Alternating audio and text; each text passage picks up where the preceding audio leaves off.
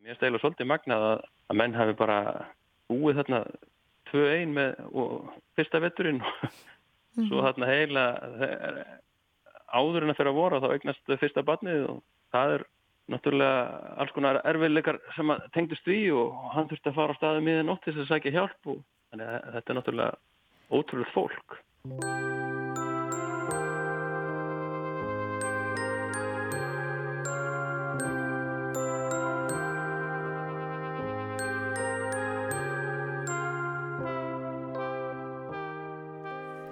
Hér erðu við smára Stefánsinni en honum kynist við betur síðar í þætti dagsins.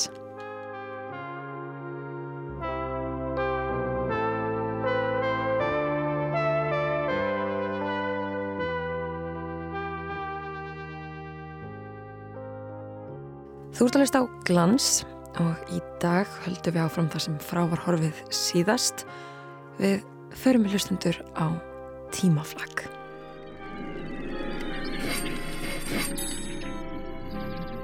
Af handahófi gröfum við gömul hljóðbrót úr safni Rúf og hlustum á með eirum ásins 2020. Þeir ræðum við samtíma fólk og þegar mögulegir á eitthvað sem að tengist um réttri upptöku. Við flökkum fram og tilbaka, hingað og þangað veltum fyrir okkur því stóra íbland við að smáa, rifjum upp misáhrifaríka atbyrðu, horfin og óhorfin æfiskeið, sögur sem að snertu marga í einu sem á persónlega sögur sem að snertu aðeins fáa í appfélagsins einn.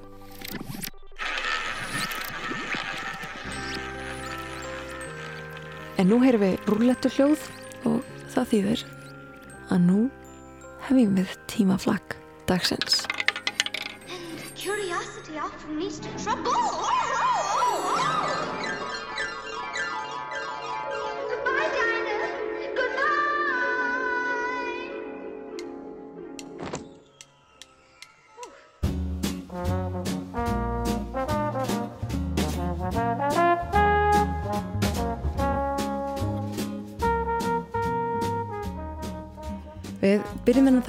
Inn í verslun sem að ætti að vera okkur öllum kunn hvað þá nú á dögum þar sem að landsmenn byrja sig upp af vítaminum, bætiefnum, hjúgrunavörum og livjum á þessum fordæmalösu veirutímum. Við byrjum þáttinn í livjabúð. Okkur verður vist ekki alltaf hugsað til þess þegar við gungum inn í livjabúð til að kaupa okkur höfuðverkjartöflur eða eða tampínu dropa eða hvaða nú er sem okkur vanhagar um að innan vekja þessara stofnana er unnið að meiri nákvæmni og gleggri aðtigli heldur en víðast hvar annar staðar.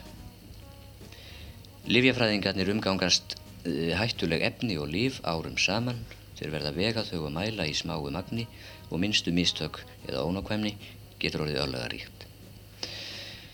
Þegar sóttítinn brennur í æðunum og læknirinn gefur okkur ávísun á kraftameðal sem rýfur okkur úr greipum sóttarinnar eða jafnvel döðans þá megum við vita á bakvið það líkur mikið starf, mikil ábyrð og óþreytandi saminskusemi allt frá sköpun meðalsins að nákvæmri vegun og afgriðslu þessi livjabúðinni. Störfi livjabúðum eru margþætti eins og að líkum lætur en eitt er sameinlegt með öllu sem þar er unnið og allri vinnu sem þar fer fram en það er skilirislaus, nákvæmni og aðgæsla. Hér erðu við í Agli Jónssoni, dagskrækjaðamanni útvarps. Hann heimsótti Íðunar apotek í miðbæ Reykjavíkur árið 1957. Þar rætna við Snæpjött Kaldalóns, Livjafræðing. Við erum stödd í Livjabúðinni Íðun. Það líkur við að venjulegan mann sundli þegar að lítið er á allar þær krukkur og dollur, flöskur og glös á samt laungum óskiljanlegum orðum og enn óskiljanlegri formúlum sem hér getur að líta. En þetta skilja lífjafræðingarnir allt eins og móðurmálið og, umgang, umgangast það með rósemi þess sem veit hvað hann er að gera. Það fer ekkit fram hjá aðtugulum ögum þeirra. Hér stendur Snæbjörn Kaldalóns, lífjafræðingur. Mér sýnist hann vera að taka til líf. Ég sína, ég, ég er ekki eitt sem stendur. Vildu spurðu hvert að sé ekki að þetta skilja ykkur til mín þegar ég er búinn með þetta reysult. Komdu sæl, Snæbjörn. Komdu sæl, blessaður. Ég sé að þú ert að taka til lif. Já, við erum alltaf hreint að því allan, allan daginn. Já, það er þetta. Þetta er þó ekki flensu meðal sem þú ert með þarna. Nei, ekki þessi sem ég, þessi sem ég er með núna í augnablíkinu. Hérna er ég náttúrulega með eitt sem er diktartöflur og svo er ég með bætefnatöflur sem er geysilega mikið notað Já, og sem líka er gott einmitt núna í flensunni jú, því að bætefnin sem styrkja, styrkja mann auðvitað Jú, og gefa manni meira mótstöðar. og það veit ég nú vist ekki af. Hefur ekki verið, hefur ekki verið áberandi mikið meira anriki hjá okkur vegna flensu faraldursins? Jú, Það það hefur óneitanlega verið tals, talsveit mikið meira að gera heldur en á venjulegum tíma en þá, þá er það nú svo að influensu faraldur eða hver kemur á hverju einasta ári, það er ekki neinn ný bóla. Já, Og annað er það að ég teki eftir að fólk vilist ekki vera svo hrætt við þessa influensu eins og maður skildi ætla. nei. Og leitar þá kannski ekki læknis.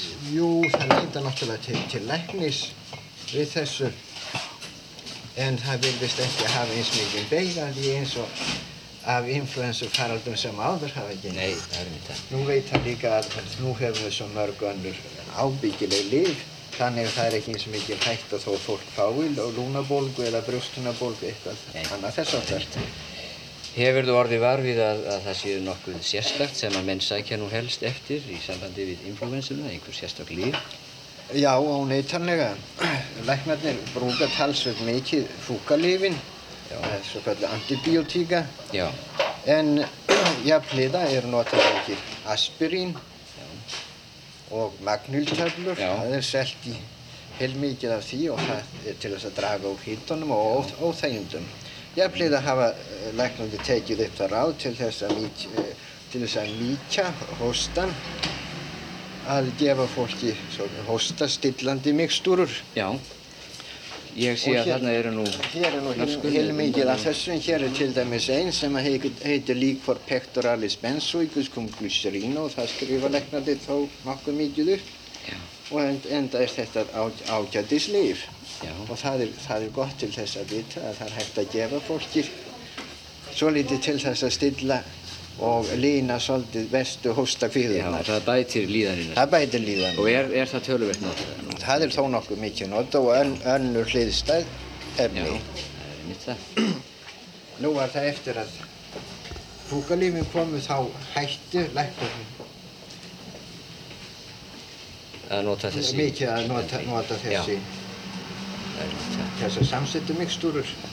En nú er þið farin að nota það talsveit aftur einmitt í þessum faraldri. Eh, Segðu mér, fólk sækir nú til ykkar með ímsa hluti, er það ekki? Er það ekki algengt að það sé ringt til ykkar og þið spurðir ráða? Jú, jú, við erum spurður um allt mögulegt Já. milli heimins og jarðar. Þannig að, að, hel, að það færi vel á því að við værum með skona gangandi alfræði Það orðabækur. það. Það spur um kökurnar sínar og það spur um blettina í tauginu og það spur um hvað ég að gera við plokkfiskin ef að ef það fæst engin laukur í bænum eins og einn kona gerði fyrir nokkru síðan þá spurði hún hvort hún gæti ekki nota laukdropa í staðinn fyrir laukin þá svarði ég við hann náttúrulega að hún gæti reynt að setja laukdropan í en við myndi ekki langa til þess að borða plokkfiskin hennar Það er mitt það. En ykkur er, það er þetta sýnir sem sagt að ykkur er sín tröst, fólk treystir ykkur í. Já, Þegar fólki eitthvað- finnst, finnst það eiginlega að vera sjálfsagt Já, að við getum leist alls konar vanda. Hér, um, eh, maður hefur nú heyrt um það að sérstaklega á bannárunum og hér áður fyrr hafi nú verið tölvert um það að menn reynduð að krýja sér út svo kallega hundaskamt eða spíritur. Já, það var, það var náttúrulega öðru máli að gegna þá, þá höfðu læknarnir heimild til þess að skrifa upp ákveðin skamt af vínanda af fólki. En sem betur fer er þetta gjörsamlega úr sögum í er það. Svo maður er algjörlega laus við allt ónæði hvað þýðir við vikur. Það hefur nú mikið gaman verið að á liðnum árum. En þið þurfið sem sagt ekki að stríða við það. Nei, náttúrulega kemur það fyrir að, að menn koma inn og spurja okkur hvort þau geta fengið suðuspritt eða brennsluspritt en við höfum tekið það ráðu að uh, yfirleitt þekkjum við nú þá menn sem að myndu misnota slíkt og þá er okkur heimilt að, að neyta afgreiðslu á því hvort sem það er til eða Já, ekki. það er það. Og við hefum það sem fasta reglu ef okkur aðeins grunar það myndi vera misnotað að þá neytum við gjörsamlega afgjörslu þess. Já, ég þakka það nú kærlega fyrir Snæbjörn, þetta var, þetta var mjög fróðlegt. Já, ég vona að þú hefði haft eitthvað gaman að sjá minnst að kosta alla þessu mörgu fallegu flöskur sem við höfum hér og mörg stjæntulegu nöfn. Þetta er nú allt saman Já, latína fyrir mér þetta er. Já, enda, enda er það latína. Jórsins fylgstu verkjum. Ég sé að það er mikið að gera. Snæbjörn má ekki vera að því að rappa við okkur lengur. Það er kallað á hann til afgreðslu. Þú er nýttur til að taka við þessu. Þannig með sjúkrasamsbútina það er búið aðtöða það að bókinn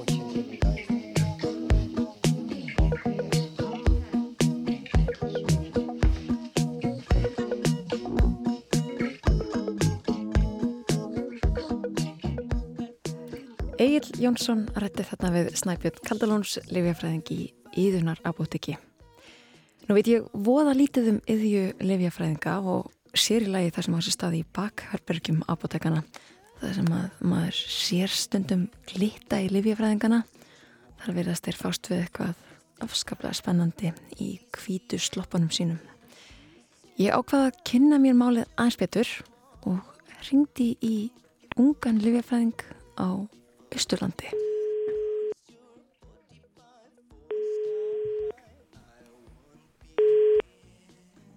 Halló. Sæl Inga, þetta er Sæl. Anna Gíða. Sjálfa sér.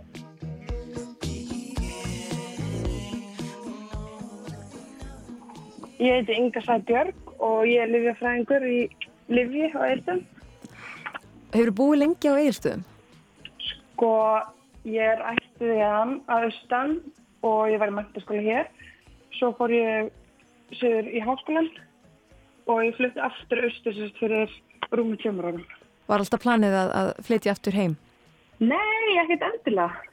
En það vantaði livjafræðing eða livsala hérna í Livji Eilstum og ég var bara tilbúin að prófa þannig að við ákvæmum skell okkur. Er þið margir livsalar eða livjafræðingar þarna á Egilstöðum?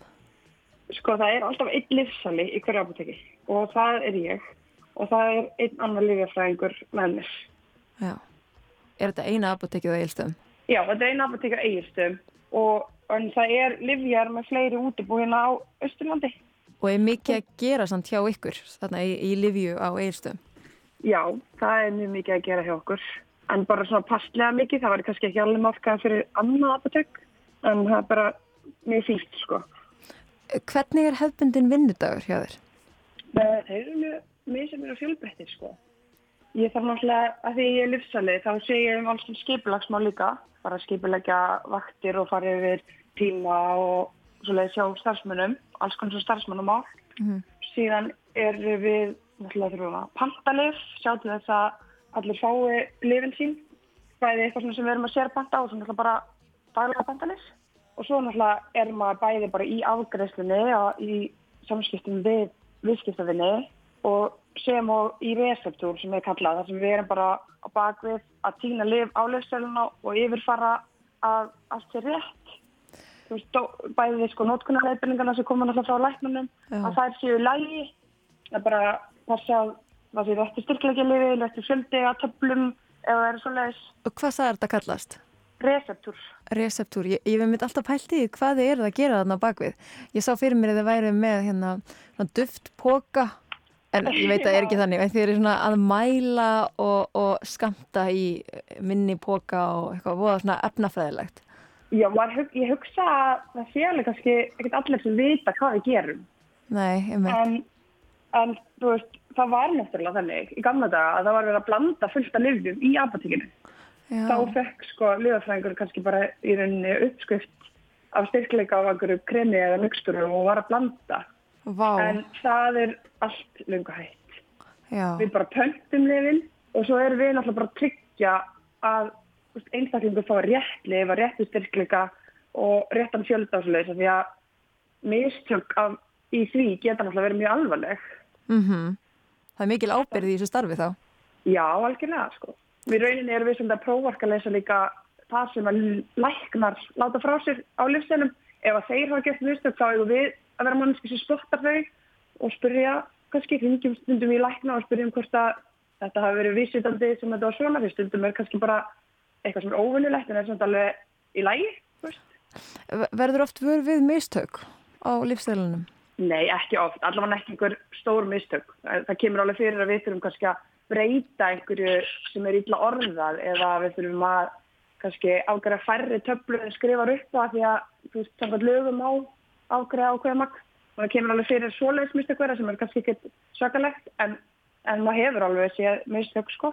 En, við erum alltaf bara í miklu samskiptum við læknuna mm -hmm. maður er ofta að ringja bara líka til að breyta einhverja því það var ekki til og bara alls konar. Við erum ofta í námi samstarfið við lækna En ef ég leiði mér að spyrja eina þar spurningum með þennan receptúr þið eru þá ekki með stóran póka af pillum og þið eru það skamta tíu pillur? Eða eitthvað svona, Lá, þetta er allt tilbúið? Það er í undatekningatilfellum stundum bara kannski einhver pakk með þess að það sé fast ekki mm -hmm. eða svolítið, þá kemur alveg fyrir að við teljum pillur í bóks sko. En mm -hmm. það er svona, já, það er undatekningar Það er einn hérna hliðaspurning sem að mitt ætti í hugðu þar sem að ég átti að máði að þetta væri eina apotekið á eilstöðum uh, og þú og kollegiðinn, þú sagði þeir eru tveir livjafræðingar sem eru þá að fara Já. yfir livin af nákvæmni mm -hmm. þú býrð yfir mjög viðkvæmri vittnesku, þar að segja að þú veist dýpstu leindarmál fólks ef að, ef að fólk telur líf vera leindarmál sem það telur oft vera þá, þá svona, veist þú hvað bæjabúar er að gangi í gegnum? Já, ofta tíðum náttúrulega þetta er náttúrulega viðkvæma persónu upplýsingar og og allir sem að vinna í apotekki, hvort sem eru livjafræðingar að annað, þá skrifum við undir þakkinskildu. Þannig að það er eitthvað sem fyrir aldrei út fyrir apotekki. Já, já. Þannig jú, það er náttúrulega fylgir þessu. Ég veit. Um, Einn forvöldninsspurning, hvaða, hvaða liv eru almennt vinsælust? Um, kannski er þetta að tala um þessi vinsæl, það er ekki alltaf vinsælt að taka. Það mm. tekur það ofta þegar maður þarfast. En það náttúrulega til dæmis ástjafbundi núna núna ykst talan á ofnæmisliðum þegar að vorra. Ég veit ekki hvað ég að segja. Í lausasölunni þá er það svolítið það er ofnæmisliðan í sumrin. Þannig að alltaf bara íbúfenn og paratarps og svona verkeflið en ég veit ekki hvað ég segja með önnur lið. Það er við Íslandingar erum svolítið góð í söfliði á nótkun Já, þú finnur fyrir því. Það er ekki bara að við vitum það af tölum. Já, já, já, þetta er alveg mest seldi lifin. En það er náttúrulega kannski bæði já, er líka kannski bara byrstan á Íslandi sem veldur því að við notum svona mikið að söfliðin veldi og við talum líka náttúrulega mikið að geðdegarlefjum eins og þeir eru kallið. Kvíða og þunglindislef? Já. En hvað með núna á, á þessum COVID-tímum? Uh, er eitthvað eitt liv vinsætla en annað? Nei, í raunin ekki svona út á apoteki. Jú, það gæti alveg verið að muni merkjast einhver aukning í kvíðalefjum. Ég trúi því alveg varðandi svona lif sem að var verið að kanna myndi slá á þessa veiru þá er það náttúrulega eitthvað sem við prófa á, á spítulum og slúðis og ekki var stoppað að selja út hérna lifið plakinir sem að hann Donald Trump lefiði prófanir á sem að kannski fólki er hristum Er það malarvílið? Já, þannig að það var ekki verið að afgræða það út af apotekjum við COVID Var fólk að spyrja, spyrja um það? Já, maður fekk alveg einhver spurningar sko. En það var ekki í rauninni leifilegt að skrifa það út við þessu, þessari ábendingu. Hafa þessi tímar annars haft áhrif á starfið eða svona móralinn í apotekinu? Já, þetta var náttúrulega, hún er verið mjög strengið tímar. Mm. Það jóks náttúrulega gríðarlega sala á spritti og möskum og var skortur af því á tímabili og síðan náttúrulega bara þurftu við starfsfólki að skipta okkur sko niður Þannig við holfum, þannig við vorum að vinna annað hver dag og vorum þá færra að vinna hverju sinni þannig að álæðið var mjög mikið og öruglega á fleiri stöðum því að sala mingar og kannski ekkert mjög mikið sko. Þannig að það var alveg mikið að gera.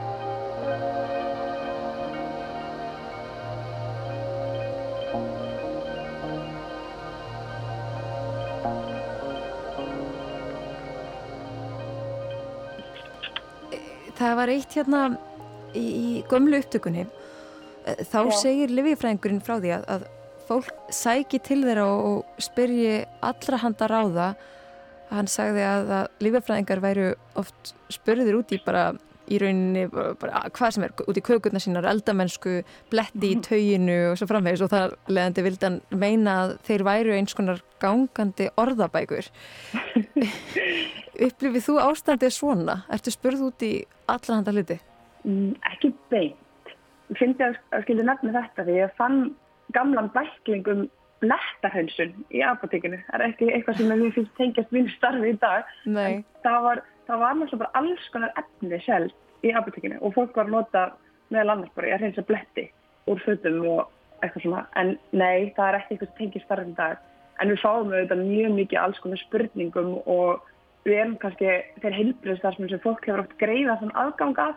Þú þarf ekki að banta tíma og vera á byrjast alltaf ná smá samtali við lefafræðing þannig að maður fær auðvitað alls konar spurningar. En kannski ekki því svona hluti svo er líka sumið sem þurfa bara mikið að spjalla, letta á sér Já. og þá getur við oft hjálpaði með það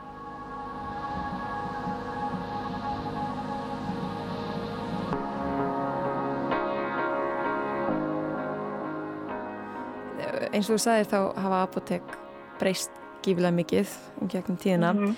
ef að þú getur ferðast aftur í tíman og fengir að heimsækja apotek Reykjavík, á eilstöðum árið 1950, segjum það bara mm. hvað hvað myndir þú vilja kynna þér, hvað myndir þú vilja prófa eða, eða svona, hvernig sér það fyrir þér? Það er náttúrulega bara mjög áhagverst að prófa að þurfa að vera að blanda lif eftir fórskriftum í apoteki, þetta er mjög áhugavert. Ég hef náttúrulega hef prófað það í lififræði náminu en það er alltaf öðruð sér að vera að gera það í apoteki á dælu starfi. Ég myndi að það er svo mikið að gera og einhverja að öskra og mm, gera eitthvað. Það sem kemst í okkur núna er að við blöndum síklarlega mixturur sem er bara hella vatni í flösku og hrista. Það er svona flokknustu blöndunum sem við erum í í dag.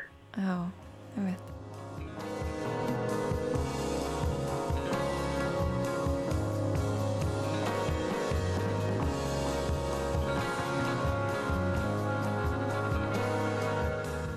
bara livjafræði almennt. Hvað Já. finnst þér það áhugaverðast við livjafræði eða hvað dróð þig inn í livjafræðina til að byrja með? Mm, það var eiginlega bara svona tengingin á milli efnafræði og lífvelisfræði og teng, já, tengja efnafræði við lífvelisfræði líkamanns og hvernig er þetta finna það saman til að hjarta fólki hmm. Þetta er svona eitt, eina af þessum vísindagreinum sem að verist alltaf vera breytast eins og margt annað í okkar mm. heimi Er mikil þróun í þessum heimi, finnir þið fyrir því? Mikil spennandi að gerast? Já, það er þetta alltaf mikil þróun og hún er búin að breytast mjög mikið hvað þróunin var og hvað hún er núna. Hún er náttúrulega fyrst og semst núna í dýrum líftæknilegu. Það kannski ekki þróun til dæmis í síklarlefum í dag. Mm, það er alveg þróun í dýrum krabbamennslefum og gíktarlefum og svoleiðis. Er það líftæknilef? Nú veit ég ekki alveg hvað það þýðir eða Já. hvað það er.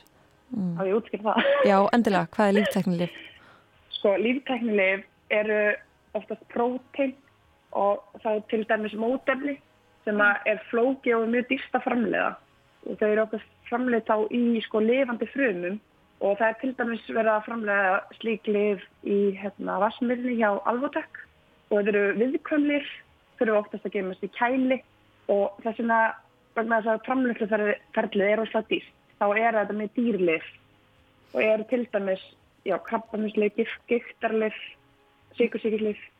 Og finnir þú bara frá því að þú kláraði námið eða byrjaði námið að, svona, að, að livja heimurinn hefur breyst? Já, ég hef náttúrulega ekki búin að vera livjafræðingur mörg ár. Ég útskæðast 2017 en jú, þarna er fyrir þróun og þetta er alltaf já, eitthvað nýtt að bæta stuðið sko efnafræði líkamanns er vissulega áhugaverð.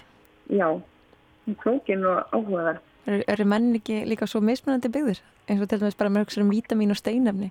Það, hérna, það sem eitt þarf, þarf ekki annar kannski. Og það er það sem er líka gerir þetta ennþá fljóknar og ennþá áhugaverðara er að livja með það þarf að vera einstaklingsmiðu. Það er ekki að saman sem virkar einn og virkar annan. Mm -hmm. Og mhm. það er líka með svolítið þróun í dag að, að reyna svona einstaklingsmiða meðferð meira í rauninni. Já. Að veist, vera ekki með one size fits all eins og þú talaði um að skrifa þetta á sama fyrir alla sem er með sama vandamál að reyna að smíða þörfum hvers og eins. Það er spennandi. Já, það er mjög spennandi. Ég segi bara takk kæla fyrir þetta og gangið vel. Takk sem leiðir.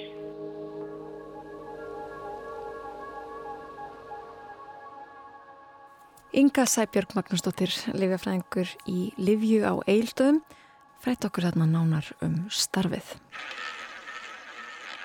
En nú heyrum við elskulega rúllettu hljóðið og það þýðir að það er komið að næsta hljóðbroti úr samkistu Rúf.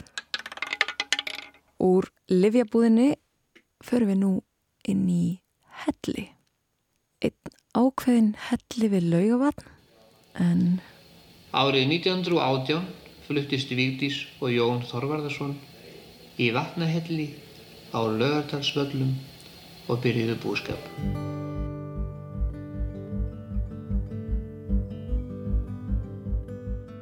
Fyrir yfir hundrað árum síðan byggu tvær íslenskar fjölskyldur í laugavatshellum. Þetta eru tveir aðlíkjandi manngerðir móbergshellar í reyðarbarmi á laugavatsvöllum mitt á milli þingvalla og laugavats. Að vísu byggu fjölskyldunar ekki aðna á sama tíma. Fyrst byggu þar hjónin Guðrún Kolbensdóttir og Indrið Guðmundsson árið 1910. Þeim gafst ekki landi í sveitinni svo þau settust að í laugavatshellum og hófuð þar búskap og veitingasölu við þjóðvegin. Guðrún var ekki nema 17 ára gömul og Indriði 22 ára. Nokkru síðar árið 1918 fluttist önnur fjölskylda í hellana. Þetta voru hjónin Vigdís Helgadóttir og Jón Þorvarsson. Þau byggu þar aðeins lengur, heil fjögur ár og á þeim tíma fættist mér að segja tvö barnaðira inn í hellinum. Þessar fjölskyldur hafa síðar verið kallaðar því ágæta viðnefni hellisbúar. Segðu mig Jón, hver var ástæðan til þess að þú fórst að búa á laugarvarsvöllum? Ég átti unga og fallega stúlku og langaði til að fara að búa og verða sjálfsmyndshærða. Gestur Þorgrímsson, dagskragerðamæður Ríkisúttorfsins, spjallaði við Jón Þorvarsson í þætti um útilegumenn árið 1957. Og áttur ekki annars kost en að setjast það í hellin og öraðum eða vildur þú kannski, kannski nefna á brott úr byggðinni? Það var einhvað jarða að fá í lögarsal. En þar vildi ég helst búa, það voru mínir æsku staðvar og gæti hugsað mér að vera annar staðar. Nei. Ég er alveg upp hjá afa mínum og, og Ragnhildi, konu, setni konu hans, Rauðurvatni. Þóttu mönnum þetta nú ekki hálg, hálgert feyðarflan í þér að fara að þjóta þarna upp í, heiði? Jósöfnum, annars var maður náttúrulega svona 20 árum á undan samtíð sinni. Þú heldur að það hefði orðið auðveldara 20 árum senna? Já, mikið auðveldara. Bæði annað árferði og svo allir þeirri tekni sem nú er. Það var þetta strax orðið höfuð ból. Já. Heldur þú nú að uh, þjóðsögur um útilegumannabyggðir hafi ráðið nokkru um það að þið dætti í huga að fara setja það í þessum helli? Nei, ég veit að mörgur frá æsku árunum sem ég mann heita best og það er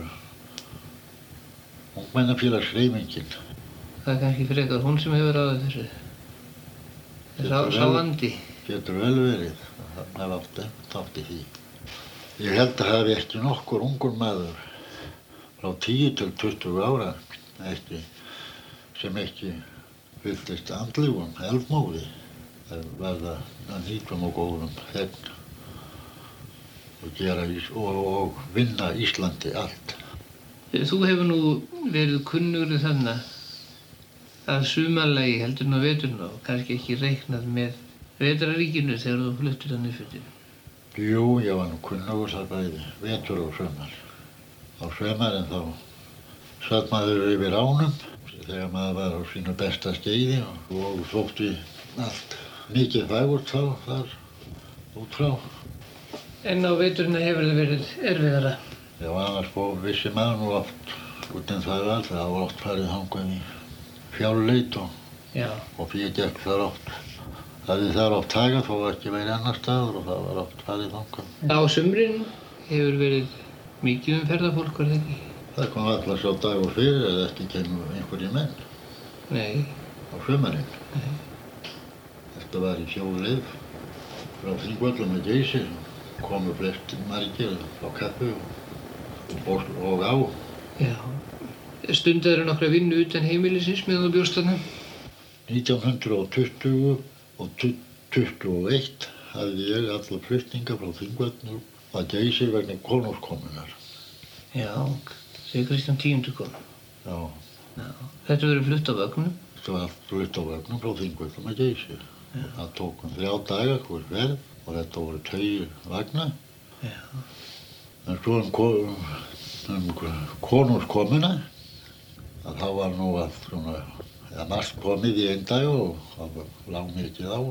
Og þar á með voru flöggjum frá Þingvöllum, þau fyrst að vera komin upp að Geysir þegar konungurinn kom þangað og þau gæti ekki fengið fyrir en seint um, nótt, um nóttina og var það býða fram eitt í nóttinni eftir einhverju fleiru sem að þurfti að vera komin upp að Geysir. Þegar við komum upp í Östdalskó þá kemur Guðjón Samúlsson á eftir okkur og nær okkur þar og þykir við vera konir heldur stutt. En ég svaraði þar einhver góðu til, sagði, svo var að ég hefði orðið að býða eftir þessu. Læt svo einn fara með þau á undan á, á vagni og fara til þess að verða undan konurkominni. Og hann hafði það vel að það var allt komið í, sambið geysist þegar, þegar hann kemur þangað. Og, ég, og við sem og eftir vorum, vorum úr hægar að við vorum líka komnir upp að geysir áður en að konungsbildin kom þangað. Hann hefur farið hægt yfir.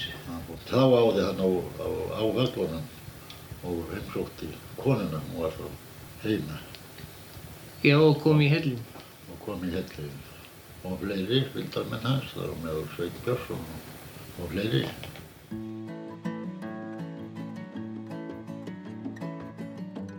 Eins og Jón sagði þá leit Kristján tíundi Danakonungur við í helli hjónana og er sagt að Vigdís hafi búið hann upp á skýr og rjóma.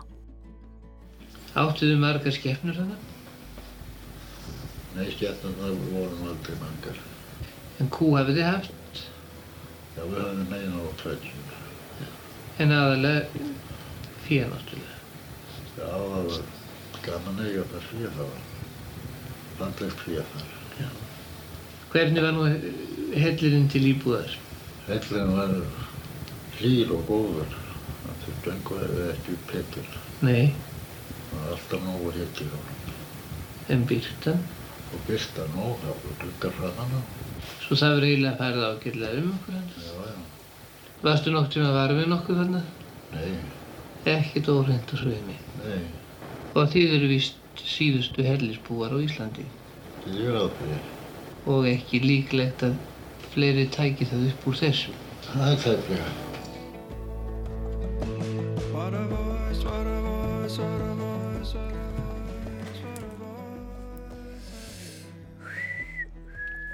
Ég ringdi í mann sem að tengist laugavatshellum í dag.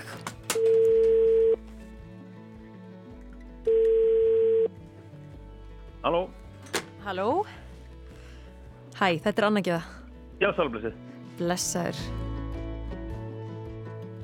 Já, ég heiti Smári Stefansson. Smári er mentaskólakennari, hann er aðjúnd við Háskóla Íslands og frumkvöld í ferðarþjónustu. Ég baði hann um að útskýra tengingu sína við hellina aðeins betur. Hann rekur sem sé fyrirtækið Laugavatn Adventure en þau við endurgerðum laugavarsalla í þeirri mynd sem þeir voru þegar að þar var búið og erum þar núna að taka á móti fólki og sína hvernig síðustu helliskóla landsins byggu og segja sögu þeirra. Sko ég tengist hellum sem, sem ekki neitt, hann er lagað sko en ég, veist bara, sko við sem búum hérna á laugavatni, við náttúrulega þekkjum þessa sögu svona allavega lítilega og mér fannst þetta bara svo heillandi að ég var búin að ganga með þessa hugmynd í maganum í nokkur ár áður en að við letum svo verða að því að einmitt að, að hérna, glæða þessa sérstökur sögu lífi og segja fólk hérna.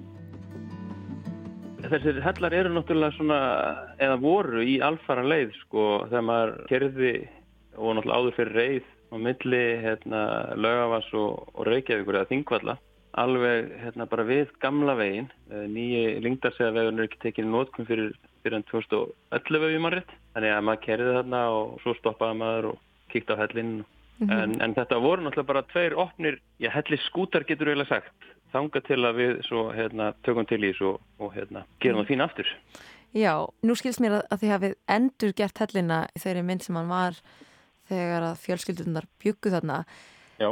Hvaða heimildir höfðu þið fyrir aðstæðum fjölskyldnana og, og, og hvernig var þetta hjá þeim? Það er voru nú ymsar sko, það er nefnilega, þetta er svo ótrúlega stutt síðan sko, þannig að hérna, við erum í rauninni bara búin að vera í góðu sambandi við, við þá sko afkomundur þeirra sem að fættust þarna. Mm. Og þess að batnaböld þessara hjóna sem að voru þarna með heimili og, og fá sagt, komast í alls konar heimildir gegnum þau og svo höfum við fundið gamlar tímaritsgreinar sem að, sem að hérna, það sem að hafa verið viðtöl við þau og, og svo ljósmynd sem að sýnir hvernig þetta leitt út uh, sko frá, að framann, vekkunni sem var til þess að loka. Er til ein ljósmynd? Já, allavega tvær. Já, væri til að lýsa þessum ljósmyndum fyrir okkur? Já, ljósmyndin sem við fórum eftir, hún er í rauninni tekin bara beint framann á hellin þar sem að hjóninn, Jón og Veitís, standa og, og þar er líka Ragnarður dóttu þeirra og, og Magnús Hvað er þau gömul? Þau eru sennilega tveggja og eins ás á þessu, já þegar þessi myndi tekinn. Sko myndin er tekinn 21 og já. þau eru fætt 19 og 20. Já þannig að þau uh, fættust þarna í hellinum. Já, Ragnhildur. Uh, Magnús reyndar fættist á öðrum bæ en, en, hérna, en, en náttúrulega bjóð þarna. Ég skil. Og þau standa þarna fyrir framann hellin? Standa fyrir framann hellin á samt tveimur ferðamörnum sem að þá hafa vantalega verið með myndavel með sér. Já, íslenskum eða útlenskum? Íslenskum ferðamörnum. Þannig að það, þarna hafi fengið eitthvað hugmynd að, að því hvernig það leiti út. En svo las ég mig að stilum þetta, nú hef ég ekki heimsótt þannan helli en komst að því að, að þarna inni voru þá húsgögn eða heimilis hlutir og það átt, átt aðeins á því að, að ég hef verið með eitthvað svolítið fornaldarlega hugmynd um hvernig það hef verið þarna hjá þeim að því þau kallast hellisbúar. Það sá ég náttúrulega fyrir mér eitthvað mun frumstæðara. Ég sá náttúrulega fyrir mér bara spýtur og eld þannig inni og steina.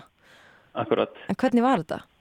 En svo, þetta eru tvær fjölskyldurinn sem búa þarna á, á sittkonum tíman, sko. Mm. Fyrri hjónin voru þarna e, frá 1910 til 11, e, þau Indriðu og, og Guðrún. Og svo flytja inn þarna Jón og Veitis 1918 og við höfum í sjálf og sér tölvöld betri heimildur um hvernig þetta var þá. Ég veit að þetta var ekki eins. Til að mynda veit að Indriðu og Guðrún þau elduðu á hlóðum en Jón og Veitis voru meldafell. Mm.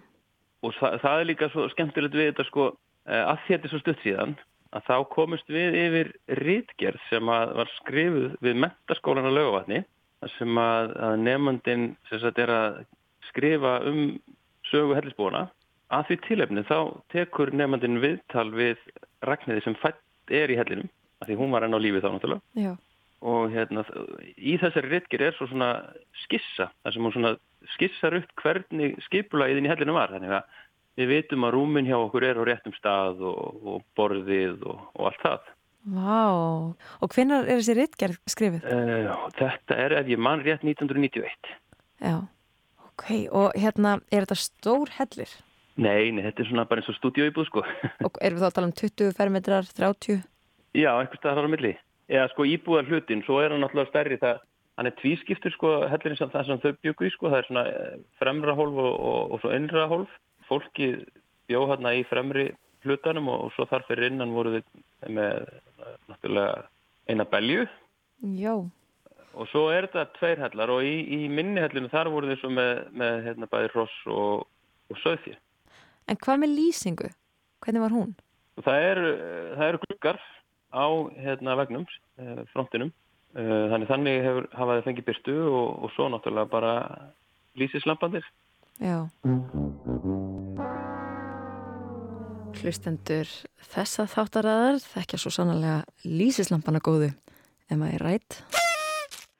En ég spurði smára át í viðtalið við Jón Þorvaldsson. Hafður þú heyrt þessu upptöku áður?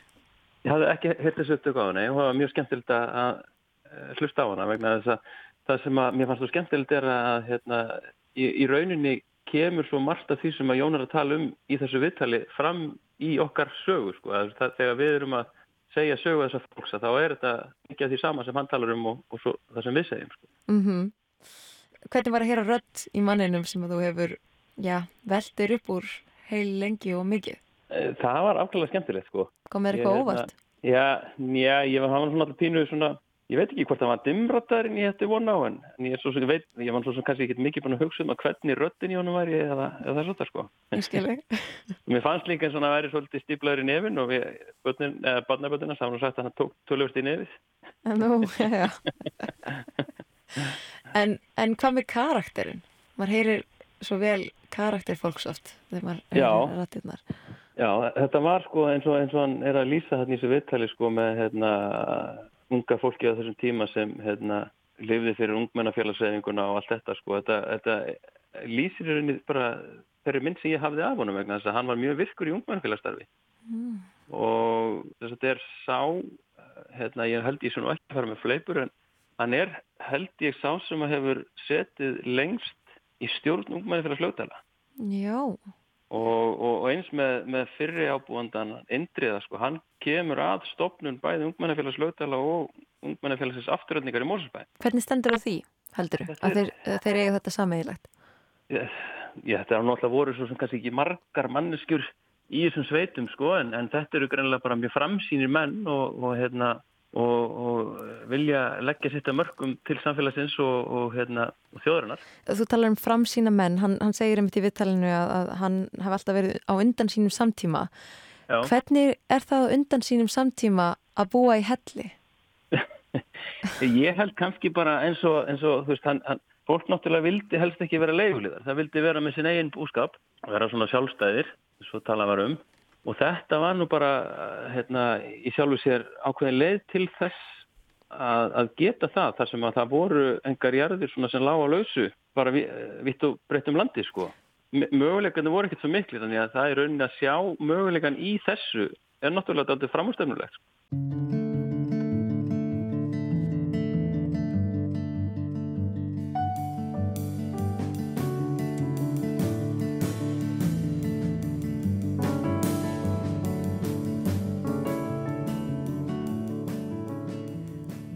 þetta síðustu hellisbúarnir og ég velti það fyrir mér sko þetta hljóma nú eins og þetta hefur verið svolítið sniðið hjá þeim og eins og hann segir þá leiði mjög vel þarna. Það var hlýtt og gott í hellinum segir hann. Já. Er þetta svo galin hugmynd að búa í helli? Alls ekki. Og ef við horfum bara til annara landa þá er fullt af fólki sem enn þann dag í dag býr í hellum eins og Spáni og, og viðar sko. Já, veit, það er náttúrulega hlýrra Já og svalara. Já, það er þegar það er á feitt Hvernig, hvernig upplifið þú samt uh, hellin, nú sér þú um lögavatnshelli í dag. Hvernig er að vera þarna á daginn og kvöldin og bara svona yfir lengri tíma? Mér finnst vera ótrúlega góður andi þarna, mér finnst einhvern veginn með líður vel þegar ég kem að spurning hvort það er huldufólki sem er þarna eða, eða hvað það er, sko, ég veit það ekki en allavega þá líður mig vel. Ég talað um að það sé huldufólk þarna Já, það hefur fyllt þessum helli sögur, sögur um það í gegnum tíðina og, og drauga og, og, og huldufólk. Er það? Er eitthvað sérstakar sögur sem þú getur deilt með okkur? Já, það er sögur sem förum hérna, mjög vel í, í, í, í ferðinni og þetta er til að mynda sögur um sko, smala sem voru þarna áður en að, búsetta hóst þarna. Þá voru þeirra lendi í alls konar raunum í sambandi við drauga og svo lýsir hún Vigdís því í rauninni hvernig hennar samband var við huldukonu sem var þarna bæði með aðstóð við hérna í rauninni barnapössun og, og fleira sko. Á magna hva, og hvað, nú þar sem að þú hefur sko kynntir þessar fjölskyldur svo vel og, og gramsað í alls konar gögnum hvað er það merkilegasta sem þú hefur tekið eftir eða, eða svona fundið? Sko ef ég á að segja alveg svo er þá held ég eins og hann lýsir að þetta hafi verið hérna voða gott að búa og þeim hafi liðið vel aðna og ég trúi því vel. En ég held að þetta hafi rosalega erfitt yfir vetratíman af því að þetta er náttúrulega svo sem í alfara leið á sumrin og, og eins og hann lýsir þarna í, í hérna, viðtalinu og ég lesið annar staðar er að það leiði valla svo dagar og sumri sem ekki kom gestur. En á veturna hefur það náttúrulega ekki verið þannig og, og, og vera þarna einn upp á heiði í myrkri og dumbungi ég held að það hljóti að vera svolítið erfitt og mér stæla svolítið magnað að, að, hérna, að menn hafi bara búið þarna 2-1 með fyrsta veturinn. Og mm. svo þarna heila áður en að fyrir að voru þá eignast fyrsta barnið og það er náttúrulega alls konar erfiðleikar sem tengdust við og hann þurfti að fara á staði miðan ótt til þess að sækja hjálp og þannig að þetta er náttúrulega ótrúlega fólk. Jón talaði mitt um þessa umrættu fæðingu í viðtalinu Hvað er þið nú minnistæðast af því sem kom fyrir því á meðan bjóstarni í hellinu? Það var fyrsta bersveðing konunar Var hún sögulega? Já við vorum einn og ég, ég tók á móti bennun og við skildum á milli saminningu. Já, og hvernig stóð á því að þið voruð einn? Það kom heldur fyrir það með pókstra hennar ætlaði að vera hjá okkur. Það var vond færð og, og drótt að hún kæmi en að hún var ókominn bennið kom. Svo fól ég um nóttina, þetta var um hálf og ég fór um nóttina sæti yfir setju konu og var austra laugarvatni og vek þar upp. Og þau fara út eftir hvað var dóttir hans. En ég fælt áfram eftir yfir setju koninni Og hún hefur verið einu meðan, konan? Já, mér leið náttúrulega ekki vel þegar ég fór á staðan Nei, trúið því nú En einhvern veginn varði ég móguður aukkursa en það leiti að ég fór að allt myndi fara vel Ég átti ágætan hund sem var og skildi hann eftir lokaði hann inni á henni og svo voru skeppnur við hliðin á Já. og hún var mikið rólegri fyrir það, fyrir það skeppnunum. Já, og hún hefur tekið þessu öllum við stillingu? Já, og þegar þau komu hvað var hún Ragnhildur dóttir hans og þá var hún flóðandi og leiði ágætlega. What's this that stirs Þau ögnast þrjúböðna með það bygguðana. Tvö í hellinum. Í hellinum, já. já. Smári sagði nánar frá fyrstu fæðingunni í hellinum, þar að segja þeirri sem að Jón sagði gesti frá í viðtalinu. Í rauninni þau voru tvö einn og, og hérna yfirsettukonan hafði ekki komist vegna erfiðar tíðar. Þannig Jón í rauninni tekur bara sjálfur á móti frumburðinum og, og svo hérna gerist það að, hérna, fylgjan sittur eftir, þannig hann næri ekki út og það náttúrulega er ansi alvarlegt sko og náttúrulega í rauninni hefði dreyið vigdísi til dauða ef, ef hann hefði ekki náðin út sko en, en hann þá þess að um miðjanótt í, í, hérna, í rauninum hávetur, hann er snemma í apríl þá, þá fer hann á stað um miðjanótt til þess að sækja hjálp.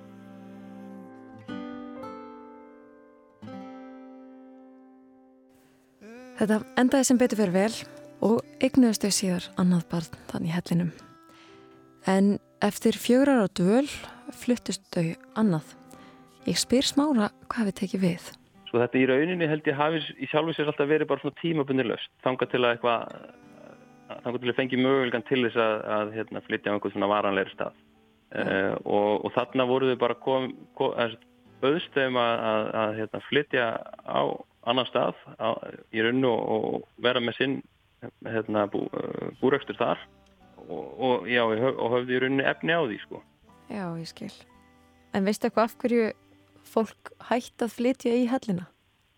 Ég, það er góð spurning. Er ekki bara tæknin náttúrulega flyttið fram og, og hérna, og svo voru stopnaðar alls konar nýjar jarðir og svo fór náttúrulega þjættbíla aukast og það er svona í rauninni held ég kannski bara, það kannski heitlaði ekki þegar að núttíma þægindin svona fór að aukast sko Já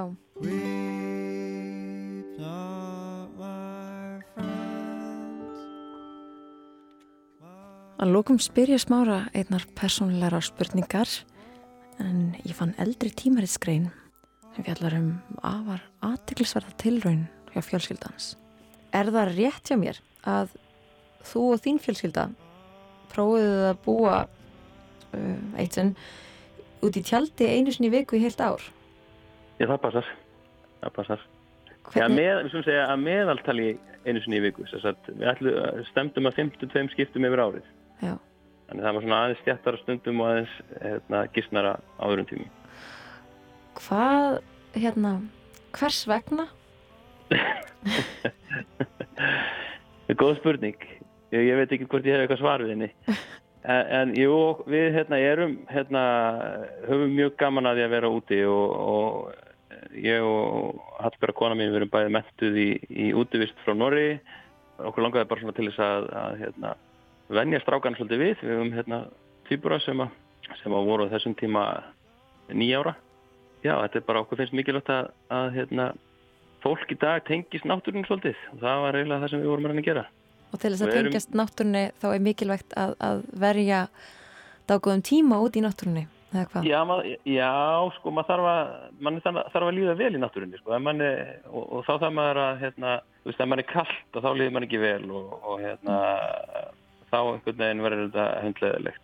En, en hérna, ef þið líður vel, þá tel ég að þú svona, myndir tengsl við það að vera úti og, og við náttúrunum sem þú ert í. Og það er ekki dvíst að, að börn átti sig á því strax, en ég held að þið búi að því, sko, til lengst tíma litið. Mm Ætlaði að prófa einhverja aðra svipaða tilraun? Það er aldrei að vita. Ég er, reyndar, ég er svolítið svona, hvað ég vil segja, kvadvís. Þannig að ef mér dettur eitthvað í hug þá bara ger ég það. Þannig að hver veit, kannski dettur mér eitthvað í hugbráðum. Já. Þannig að þú og konan þín þið tengið við hjónin Jón og Vigdísi? Algjörlega. Já, maður kannski geta þess að í rauninni þessi vetur þar sem við vorum í þessu verkefni, þá vorum við, þetta er sami vetur og var- við vorum með að undirbúa opnun hellisins sko. Og þannig að auðvitað lág beinast við að áður en við lokuðum hellina, þá myndum við gista þar í nótt, sem við náttúrulega gerðum. Já, hvernig var það? Var mjög fínt. En skemmtilegt. Hérna, ég segi bara takk kærlega fyrir að segja okkur frá þessu og gangi ykkur vel með hellin. takk hjá fyrir.